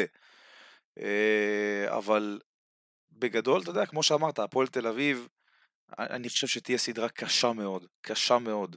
אני, אני מדבר על מכבי, הפועל תל אביב הולכת להקשות על מכבי, גם אם זה ייגמר ב-2-0 למכבי, שזה יכול לקרות, אני לא אומר שלא, אז יהיה 2-0 של יריקת דם. חד משמעית, אבל אתה יודע, אני הולך יותר לכיוון של משחק שלישי, ויהיה מה שיהיה. זה, זה הדעה שלי כאן, אבל uh, באמת הולכת להיות סדרה קרב, קרב אריות. האם אנחנו מסכימים שהקבוצה שנמצאת כרגע בכושר, באופן יחסי אל עצמה, בכושר היותר טוב היא דווקא הפועל תל אביב? כן, חד משמעית. זה נקודה שאתה יודע מה? צריך לעקוב אחריה. בוא נעבור רגע אבל לקרב של המאמנים. קטש מול פרנקו, אצל מי היתרון? קשה מאוד להצביע על, אה, על אצל מי היתרון, כי זה, אתה יודע, מאמנים שעשו דרכים די דומות בקריירה, אם אתה מסתכל ב, בכלליות. כן, גם נפגשו בלא מעט מקומות, למשל בגמר גביע של... כן, 2020. נכון, נכון, נכון. אה, אני חושב, אני חושב שעל על הקווים, זה, על הקווים זה די שקול. כן, אני אבל חושב, אה, שוב, אני, אני מבין מה אתה אומר מצד אחד. אגב, אני שוב, אני לא חשוד בחוסר הערכה לקטש, אה, כמו שאתה יודע, אבל אני חושב, באמת, אני מאוד מעריך את שני המאמנים האלה, אני חושב שבצדק זה שני מאמנים שהגיעו לגמר, אבל אני חושב שהיתרון הוא אצל פרנקו, זה, זה גם בגלל שלפרנקו יש שחקנים שאתה יודע, הוא כבר מרגיש לי שהוא הצליח לגבש אותם בשלב הזה של העונה בליגה, כי הפועל תל אביב גם שמה דגש יותר גדול על הליגה ממכבי, ומכבי, אתה רואה אותה עדיין מנסה פה כל מיני קומבינציות, ו- ולא יודעת מי כן ומי לא, ואיך זה יגיע ואיך מנקו, ו... פה יש לדעתי יתרון לפרנקו, יתרון מסוים בטקטיקה, לדעתי. יכול זה... להיות, יכול להיות, כן. אמ, וקודם כל זה מובן שמכבי שמה פחות דגש על הליגה מהפועל לאורך כל העונה, כי מכבי משחקת במסגרת הרבה יותר עמוסה. זה גם אבל בניסיון. יוד, זה גם בניסיון. פרנקו בסוף, אתה מסתכל על זה, הוא הגיע לגמר של הליגה, ב, אתה יודע, גם עם הפועל ירושלים, פעמיים. קטש, מתי נכון. הפעם האחרונה שהוא הגיע לגמר של הליגה? קטש, הגמר האחרון בליגה? גלבוע גליל, בפעם לא, האחרונה שהוא זכה באליפות, כן, כן, 2010. זה, זה, זה נתון מטורף, כאילו, זה, זה נתון... 13 שנה. נכון, זה נתון מטורף, ופה יכול להיות גם לא יודע, אולי הניסיון כן יתרום משהו, ומהמאמנים בוא נעבור רגע לשחקן, ככה אנחנו מסמנים אותו כשחקן המפתח בכל קבוצה.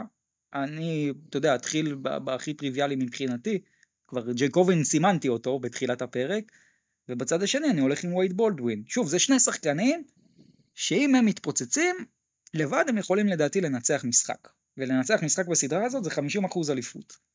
חד משמעית. אה, אוקיי, אני אלך קצת שונה ממך. אני אלך, תופתע לשמוע, עם בונזי קולסון, שחקן המפתח של מכבי תל אביב. כי אתה יודע, אני, אני חושב שלורנזו ובולדווין יגיעו לסדרה הזאת. אוקיי? אין שום סיבה שלא. אם הם יגיעו למונקו, הם גם יגיעו לפה. אבל בונזי קולסון זה שחקן שאנחנו גם ראינו מול חולון, אוקיי, אבל בסדר, ההגנה של חולון זה לא ההגנה של הפועל תל אביב, אה, וכמובן גם האיכות של אה, חולון, זה לא האיכות של הפועל תל אביב, אבל בונזי קולסון זה שחקן שיכול לשנות אה, סדרי עולם בסדרה הזאת, בדברים הקטנים, באקסטרה חטיפה, בעוד אסל, בעוד מהלך אסל, אה, אם זה גם בכלייה, פתאום נכנסות לו השלשות, וזה יכול פתאום להתפתח כחגיגה, כמו שראינו בחולון, אה, אם זה בריבאונד, אה, ממש בדברים הקטנים שאתה לא מצפה ממנו באמת כאילו להיות טוב בהם, אני חושב שבונזי קולסון זה שחקן המפתח של מכבי, ובהפועל תל אביב אני איתך ג'קובן בראון חד משמעית, כי בסוף הפועל תל אביב זה ג'קובן בראון. אבל איזה ג'קובן בראון? ג'קובן הפצוע או ג'קובן הבריא? זה שאלה גדולה מאוד. אני חושב שבהפועל מעדיפים אותו פצוע, אם אתה שואל אותי. יכול להיות, יכול להיות, הוא באמת אה, משחק פצוע, משחק טוב, כמו שאמרת, אקס פקטור. אני חושב, יש מצב הרופא של הפועל יגיד לו, תשמע, תעלה עם זריקה, מה, אכפת לך? גם אם אתה בריא, אני, אני אזריק לך, אתה משכך כאבים. תדפוק את הראש איפשהו, תדפוק את הרגל איפשהו, תגיע ככה. בדיוק, בדיוק. אקס פקטור, מי, מי אתה מסמן בכל קבוצה? הפועל תל אביב. אה, תומר גינת.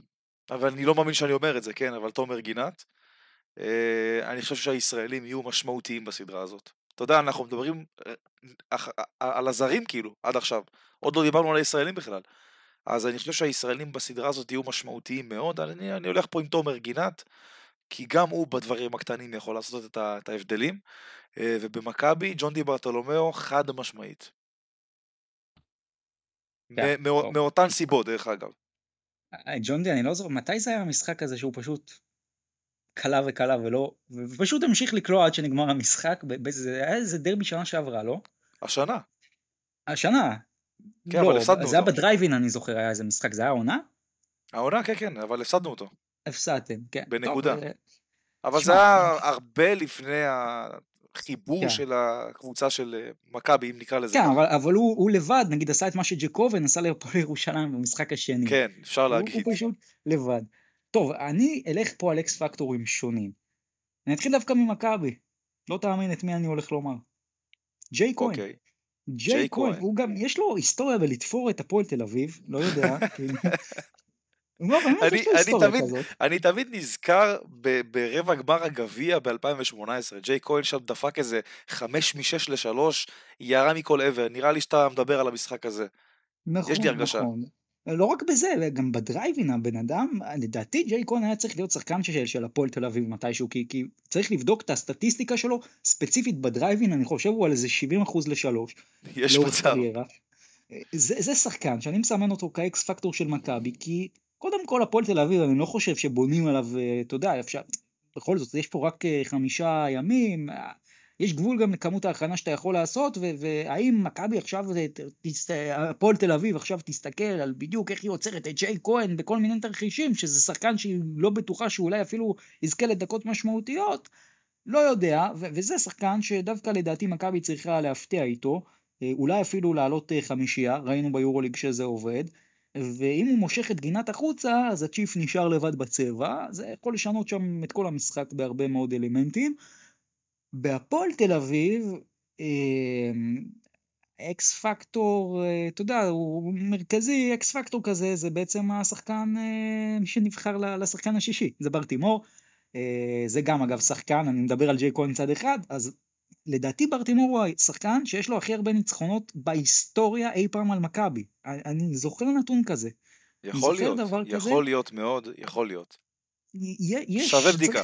שווה בדיקה, ומי מהמאזינים שלנו שככה יותר חד בנושא הזה, תעדכנו אותנו. דרך אגב, תראה, אני, אני, אני, אני, אני חייב להוסיף פה משהו על ג'יי כהן. אתה יודע, אתה אמרת אקס פקטור, אתה צודק חד משמעית, יש פה מקום לתת לו את התואר הזה, כי תשמע, מה שהוא עושה, לפחות מאז, אתה יודע, מאז ה... אמ, אני אקרא לזה, מאז שהוא נהיה שחקן חמישייה גם ביורוליג, אתה רואה פער ענק ברמה ההתקפית, בתיאום, ואני גם אסביר למה לדעתי. כל, זה, זה שחקן שפשוט מקבל החלטות אחרי ה pick and roll פשוט באופן מושלם, יודע תמיד איזה שחקן למצוא אחרי ה short roll, וזה משהו שבמכבי השנה חוץ ממנו אין, לא ג'רל מרטין, ואני חושב שאין שחקן אחר במכבי של השנה בעמדה 4, אה, שמקבל החלטות יותר טוב ממנו, אחרי מהלכי pick and roll, מה short roll, וזה מאוד משמעותי, מאוד משמעותי, ויכול באמת לקבוע גורלות במשחק ההתקפה של מכבי, ואנחנו גם רואים במשחקים האחרונים, למשל בחולון, הוא סיים עם אה, ארבעה אסיסטים, גם במשחק הראשון הוא סיים עם שלושה אני חושב, ואנחנו רואים את זה, וברגע שג'יי כהן מסיים עם אה, מספר אסיסטים די גבוה ביחס לשחקן בעמדה כזאת, אתה מבין שהעסק עובד. ממש ככה, ואני שוב אחזור רגע להפועל תל אביב, אז אני הולך עם בר תימור. לא רק מהסיבה אגב, אתה יודע, הפיקנטית שהוא ניצח את uh, מכבי כל כך הרבה פעמים, אלא באמת כי, כי זה שחקן שברגע שהוא עולה טוב מהספסל, דיברנו על ג'קובן בריא פצוע, אז הוא יכול לקחת מנהיגות, לנהל את המשחק, אני זוכר שנה שעברה, ב, uh, זה היה נכון, uh, חצי גמר גביע, שהפועל הדיחה את מכבי, זה היה בר תימור שלקח אותה שם. זה היו רגעים גדולים שלו, ברבע השלישי אם אתה זוכר, כן, כן. יביא שחזור כזה עוד פעם ב- ביד אליהו, הם יכולים uh, להגיע לדרייבין במצב מצוין, ובר תימור מת על יד אליהו. עשה כן. קריירה על יד אליהו. בוא נגיד, ממש לא יפתיע אותי אם הוא יתפור איזה כמה שלשות. כן. טוב, לאחר כשעה של תוכנית הגענו לחלק הכי מסקרן, הימורים. אתה יודע מה? בוא נתחיל משחק משחק. בוא, בוא רגע נשלים את כל הסדרה, נתחיל משחק משחק. משחק ראשון, מה אתה אוקיי. אומר? מכבי. מה אני אומר? הפועל תל אביב. אני חושב, תקשיב, אני אוקיי. חושב שהפועל תל אביב, שוב, אתה זוכר, דיברתי על האחוזי יכולת, מה צריך, אני לא חושב שמכבי, לפחות לפי התזה שלי, לא חושב שהיא תצליח להגיע ל-85% יכולת, 90% שלה. אני חושב שהיא תיתקע איפשהו, תישאר בה באזור של ה-75%, 80%, הפועל תל אביב, אם היא מגיעה לקראת ה-100% שלה, היא לוקחת את זה, ולדעתי זה מה שיקרה, אני עם הפועל תל אביב. משחק שני, אתה- מה אתה אומר? אמ, הפועל תל אביב, משחק שני. אני הולך על 2-0. אני הולך שהפועל תל אביב, כמה מופרך ומופרע שזה נשמע, ממעיט, אתה ממעיט בערכנו, אדוני. אני לא ממעיט בערך של מכבי, אני פשוט רואה קבוצה רעבה שלא לקחה אליפות 54 שנה. גם במכבי יש רעב, תאמין לי. אחרי שנה שלא עשינו גמר עכשיו את ליגה, האמת, יש לך את אותו רעב כמו של, של אוהד שבחיים שלו לא זוכר. תחשוב הילדים האלה ביציע, איזה ילדים? האנשים האלה בני ה-50 אוקיי. ביציע לא יודעים מה זה אליפות. ברור, אבל אתה יודע, הפועל תל אביב קבוצה רעבה כבר כמה שנים. ואחרי הכל מכבי תל אביב זה מכבי תל אביב, אין מה לעשות. במכבי תל אביב, אחרי שנה שהיא לא עשתה אפילו גמר בליגה, יש רעב, אי אפשר להגיד שלא. השאלה שוב, אנ- מה בוא, שיכריע בוא את נגיד, זה גם... אנחנו, אנחנו ממש לא נבוא להיות uh, תפאורה בסדרה הזאת. ברור שלא, זה גם דרבי, בוא, כאילו, עכשיו אתה בכלל אין תירוצים, זה לא. גם קרב על אליפות וגם דרבי, כן. כמו, כמו שאתה נכון, אומר. מכבי תגיע בשיא שלה, אבל אה, מבחינת, שוב, מה שהיא יכולה כרגע, העניין הוא שאני לא חושב שהשיא שלה כרגע הוא להגיע למאה אחוז, כי יש פה איזו ירידת מתח אחרי אירופה, שלא יודע אם יתאוששו פה במאה אחוז, אני דווקא חושב זה- שזה מאחורינו. מאחוריכם. מעניין, כן. אז, על, זה, אני חושב שפה אנחנו מסכימים שעל זה תוכרע הסדרה. כלומר, האם באמת מכבי התגברה על העונה שלה באירופה? אם כן, כן, חד משמעית. אני, אני איתך, אם כן אז היא תנצח, אבל אני לא חושב שזה יקרה. אה, ואתה יודע, בסוף זה גם מעניין, האם אתה חושב שפערי הרמות הם כאלה עצומים בין הקבוצות? כי אם כן הייתי הולך עם מכבי, אני לא חושב שבמסגרת, אתה יודע, שגם אני מצמצם את זה לחמישה זרים בלבד, יש פה פערי רמות מטורפים. מכבי יותר טובה, לא בהרבה. במסגרת הליגה, לא. הפערים לא כאלה גדולים, אבל הם קיימים. טוב, ל- לסיכום, משחק שלישי, נו, מה אתה הולך? מכבי, מה? חד משמעית. אז אתה אומר 2-1 מכבי, אני אומר 2-0 הפועל תל אביב, אנחנו כמובן נעשה כל מיני סקרים מעניינים בשבוע הזה. אה, משחק ראשון יום חמישי, נכון? והמשחק השני... חמישי, ואני אני כבר הבנתי שיש דיבור על להקדים את זה לרביעי, בגלל אה, שנבחרת ישראל עלתה לחצי גמר המונדיאליטו, יש דיבור על זה. כרגע אבל, ממה שאני מבין, הפועל תל אביב מתנגדת לזה. כן, מן הסתם. זה כמובן תלוי בהסכמת אה, שתי הקבוצות. טוב, אה, זה ככה, אנחנו כבר נדבר על זה בפרק הבא, על הסיכומים ומה יהיה. אה, בוא מפה נעבור קצת אה, לאירופה ככה, ממש לקראת סיום. טוב, מה ספרד? אתה יודע, בסוף, ברצלונה משייטת. מה, מה זה משייטת? ולנסיה, כאילו, הסתק... בדקתי במפה, לא, לא מצאתי את העיר, כאילו, איפה, איפה, תשמע, איפה זה, זה, זה, נמצא? זה, זה, זה די קרוב גיאוגרפית, אתה יודע. קרוב גיאוגרפית, אבל אה, זה, זה היה נראה כאילו זה, אתה יודע, עיר אחות או לא יודע מה, כי, כי ולנסיה לא הגיעה. חד משמעית לא הגיע, אבל שמע, האמת פה, ב... אין, אין מקום להשוואה באמת, ברצלונה קבוצה הרבה יותר טובה וזה לא מפתיע אף אחד. עזוב ששתי הקבוצות משחקות ביורוליג, אבל אתה יודע, יש פה פערי רמות עצומים. בוא נעבור למה שאותך לפחות הפתיע, עם בדלונה, שככה דיברנו על זה פרק קודם. בסקוניה אני אמרתי כל השנה, כן? אני לא האמנתי שהם יפסידו את הסדרה הזאת, כן? אבל אין מה לעשות, שאין לך הגנה, ולבסקוניה אין הגנה, לאורך כל העונה, אתה לא באמת יכול להגיע למשהו. מה, אני ממש ממש אוהב את בדלונה של העונה, באמת. אחלה קבוצה. אחלה קבוצה, אחלה קבוצה, זאת גם הסיבה שחשבתי שהיא תיקח את בסקוניה, קבוצה מעולה. אה, זה, זה רק מחמיא גם להפועל תל אביב, כי באמת הפועל תל אביב קיבלה קבוצת פיינל פור יורו קאפ, בסדר? ברבע גמר, אבל היא קיבלה קבוצה באמת מאוד שקולה גם לקנריה וטלקום, אחלה בדלונה. אה, ובסוף, אתה יודע, גם מלאגה צריך לדבר עליה, כי, כי מלאגה פשוט uh, התפוצצה על טנריף, דיברנו על 2-1, זה נגמר 2-0 אפילו. כן, אה, מפתיע. לא יודע עד כמה זה, תשמע, בסוף מלאגה, אתה מסתכל על הסגל, מה שעושה קנדריק פרי השנה, אני, אני בטוח שהוא, כאילו, תשמע, הם, לא אולי... טובים, הם לא טובים מטנריף ב- ב- ב- בכזה הרבה, אמיתי אני אומר לך. זה כן תוצאה שהיא מפתיעה, אני חושב שאף אחד לא חושב שזה ייגמר 2-0. יש איזה משהו עייף אבל, לא? בטנריף יש איזה משהו קצת עייף, ככה מרגיש לי. גם וידורטה, תשמע, הוא כן, כן, יש איזה שם. כמובן, יש שובע. ומלאגה זו עונה שיש- ראשונה. כן, תשמע, מתחבר שאתה- ככה. שאתה מחזיק רכז בן 40, אז ברור שיהיה שובע, אתה יודע. כן. הרכז הוא לא, לא הבעיה שלהם. טוב, מה אנחנו אומרים? חצאי גמר, ברצלונה, מלאגה, ריאל מדריד, בדלונה. מה אתה הולך? אמ, ברצלונה מלאגה, כן, אנחנו מתחילים בעצם ביום רביעי עם ברצלונה מלאגה, חמישי ריאל בדלונה, שישי ברצלונה מלאגה, שבת הטוב- ריאל הטוב בדלונה, מחמישה. זיגזג כזה. כן, הטוב מחמישה.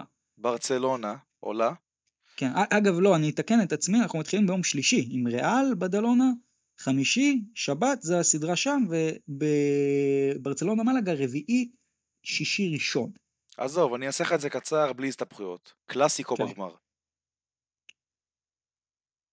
אה, שמע, אני אעשה פה משהו מופרע לגמרי. כן, אני, אני כבר, אה, אני חיכיתי לזה. אה, לא יודע, קודם כל, ריאל בדלונה, תלוי איך ריאל תגיע. תלוי, תלוי בריאל, אבל... אתה יודע מה? אני הולך פה על חמישה משחקים ושריאל תיקח את האחרון. כי... אוקיי. כן, כי, כי, כי בסוף, שוב, זה העניין של הרב. ואני חושב ש... שאתה יודע, בליגה הפערים מצטמצמים והכל, וריאל כבר, אני לא יודע כמה הראש שלה שם, כי היא אלופת יורוליג והיא באיזה היי מסוים, למרות שבינתיים, אתה יודע, היא שחטה את קנריה בלי לרחם, אבל אני חושב שבדלונה תמתח אותה. מלאגה ברצלונה, אני אלך פה עם הדבר הכי מופרע ששמעת, אני חושב. אה, אני הולך פה עם 3-1 מלאגה. אלוהים ישמור.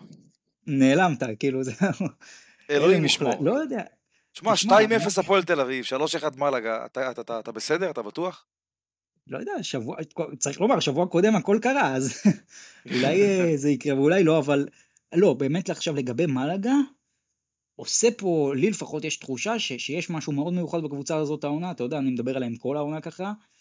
ברצלונה די מפורקת מנטלית עם כל הכבוד לוולנסיה, אה, קצת, אתה יודע, כאילו, בסוף אני לא מתרשם עד כדי כך מהרמיסה של ולנסיה, כי זאת יותר ולנסיה לדעתי. למרות ששוב, גם דיברנו, אתה יודע, עם הפועל תל אביב, נס ציונה, זה, זה, זה דברים שקשה להעריך אותם בזמן אמת. אבל אני הולך פה עם ההפתעה, אני הולך פה עם ההימור המפתיע על 3-1 למלאגה, לגמר כבר נגיע לגמר. אוקיי. טוב, בוא, בוא נדבר על גם דבר לא מחורפן פחות שקרה בטורקיה, קח אותי לפנרבכצ'ה ואנדולו אפס. כן, פנר מביסה, משפילה, רומסת את הנדולו ב-42 הפרש. זה, תקשיב, אני, אני לא אדבר על פנר כי אין פה הרבה מה, מה לדבר עליהם, אבל אנאדולו זאת קבוצה שסיימה את העונה בערך בחודש אפריל, ופשוט עוד לא הודיעה על זה לאף אחד. ארגין אטאמן, מחודש אפריל, מנהל משחקים באנאדולו אפס, וכרגע גם מנהל את הסדרת פלייאוף מול פנרבחצ'ה. בוז, תוך כדי שהוא בונה את הסגל בפנתינאיקוס לעונה הבאה. אתה, אתה מבין את הסיפור פה? זה, ובאמת, זה אגב, אומר לי הכל, זה זה אומר לי משהו. הכל. הנדולו פשוט לא רוצים להמשיך את העונה הזאת, רק שהיא תיגמר. צריך לעשות עם זה משהו. צריך לעשות עם זה, זה לא הגיוני שמאמן, שהוא עדיין מאמן, כבר חותם לי במקום אחר לעוד, זה, זה לא... לא, זה, זה לא- סיפור שכבר שנים כבר קורה, זה לא משהו חדש, אתה יודע, אבל אה, זה, זה הסיפור של אבל זה הנדולו שווה פחות או 40 יותר הפרש במשחק בגמר, זה, זה מה שקורה. כן, אבל אתה ו- יודע, כמו, כמו שאמרתי, הם, הם סיימו לשחק מאפריל, פשוט עוד לא הודיעו לאף אחד. כן. תכף נשוב. בסדר, זה לגבי הנדולו. גרמניה, תשמע, אולם, דיברנו על הכישלון של אה, אלבה ברלין, אה, עושה בדיוק אותו דבר לביירן מינכן. ברונו קבוקלו, תקדם. אני התקדמתי, השאלה מה, מה קורה בגמר מול בון, כי עכשיו יש את טי.ג'ה שורץ, צד שני, ואנחנו יודעים מה טי.ג'ה שורץ עשה עונה. אתה יודע, בון בא כסוס שחור לפיינל פור של ה-BCL, וזכתה. אני הולך עם אולם. כסוס שחור בגמר הליגה הגרמנית, הולכת, הולכת לקחת אליפות. פה אני אלך עם בון. הקבוצה הזאת כמעט, אתה יודע, בסוף אנחנו כל הזמן מזכירים את זה, וככה, אתה יודע, כדרך אגב, היא לא הפסידה, היא לא זה. בוא'נה, הקבוצה הזאת כמעט לא הפסידה עונה, סופר את ההפסדים שלה, כמעט לא קיימים, עם לא חמישה הפסדים אם אני לא טועה. אה, ואני אלך איתה פה, אולי לא חלק בסוויפ, אבל אני אלך איתה פה. אה, ובואו נסגור את זה כמובן, איך לא, עם יוון. אז אולימפיאקוס פנטינאיקוס דיברנו כבר אם וכאשר אמרנו 3-0 אה, אתה יודע סוויפ אתה עדיין באותה דעה או שפאו עכשיו עם התאמן אולי ככה הקבוצה של העונה רוצה להוכיח פתאום הכסף הגדול נכנס. תשמע אני 3-0 אולימפיאקוס ו-3-0 משפיל ויסלח לי המאזין ארה לווייסברג בהנחה והוא מאזין. אה, מה זה משפיל אבל? משפיל, אני אומר לך, דו ספרתי, 20, 30 אפילו כל משחק. אם אני אומר לך שזה מגיע למשחק חמישי, מה תגיד? אוי, נו באמת. אתה יודע מה, לא חמישי. משחק רביעי, אחד הם ייקחו, אחד הם ייקחו, גם יש להם, תשמע, בייקון, אה, תגיד לי, אתה יודע כמה זמן פנתנקוס לא ניצחה את אולימפיאקוס? בוא תספר לי. אני חושב כבר כמה שנים. מה זה לא ניצחה? גם בליגה, גם באירופה? גם בליגה וגם באירופה כבר כמה שנים, אני חושב. לא מאמין לך, מה? עד, כן. עד כדי כך זה... תשמע, אני... לא, בוא, אני לא עוקב סטוקר של הליגה היוונית, אבל בוא, בוא נגיד את זה ככה, פנתינאיקוס נמצאת בטופ של הליגה היוונית גם העונה. הייתה שם בצמרת כל העונה, כמעט אותו מאזן של אה, תקשיב, אולימפיאקוס. אני, אולימפיאקוס אני אגב לא בלי הפסד בליגה, אם אני לא טועה. כן, אני, אני, תשמע, אני, אני לא סגור על זה, אבל אני חושב שהניצחון האחרון של פנתינאיקוס על אולימפיאקוס, אל תתפוס אותי על המילה, היה במשחק שטייריס רייס קלע 41 נקודות. או וואו, או וואו, הלכת רחוק מאוד. אני חושב, אם אני לא טועה, אתה יודע, אני אומר, אני אומר את זה מהראש, מהזיכרון, אם אני לא טועה, זה הניצחון האחרון של, של פנתינאיקוס על אולימפיאקוס. כן, עכשיו תקשיב. וזה קרה בעונת 19-20 דרך אגב. כן, עכשיו, אולימפיאקוס אה, זה נתון מטורף. אולימפיאקוס פיראוס היא בלי הפסד העונה ביוון, ב- בליגה. כלומר היא עשתה... אתה מבין. זה, היא עשתה שוב, בחצי הגמר היא עשתה בעצם את ה... אתה יודע, את ה sweep אה, על אה, פאוק, ואתה יודע, רבע הגמר עשתה סוויפ חלק על ארי סלוניקי, סיימה את הליגה במאזן של 22-0, אני כן חושב שהיא תרשום הפסד בכורה אחד. שמע, אם היא לוקחת אליפות בלי להפסיד, זה, זה אירוע מטורף לחלוטין. אוקיי, אשרי המאמין. טוב, נראה לי הגיע הזמן קצת אה, ככה לסכם את הפרק, היה אחלה פרק. אה, באמת, זה ימים של הכרעות, עוד מעט אנחנו, יהיה לנו הרבה מלפפונים אה, לדבר עליהם, אבל אנחנו עוד נאחזים בקצת כדורסל שנשאר לנו. ואחרי זה אנחנו ככה כבר בשבועות הבאים נחזור למתכונת היותר רגילה שלנו, נתעסק גם יותר בזירה האירופית של הקבוצות הישראליות. אה, אגב, ככה לסיום אני אשאל אותך, לדעתך הסיום של העונה הנוכחית ישפיע נגיד על הפועל ירושלים, חולון, הפועל תל אביב, מכבי, לגבי העונה הבאה באירופה, או שאין קשר בין הדברים? אני לא חושב שיש קשר. טוב, אנחנו, יהיה לנו הרבה זמן לדבר על זה בקיץ, ואנחנו נהיה פה גם בשבוע הבא, עם הפרק 41, עם אה, באמת אה, סיכום של המשחק הראשון בגמר, או אולי כבר השני, אם יקדימו אותו, את השני למוצאי שבת, עוד לא יודעים, אבל אנחנו נהיה פה, ונאחל לכם המשך אה, שבוע מעולה, תעקבו אחרינו, תצטרפו לוואטסאפ, תשתפו, תסמנו לייק, תשלחו לדודות, ונתראה פה שבוע הבא. נתראה שבוע הבא. אה, שבוע טוב חברים, היה אחלה של פרק.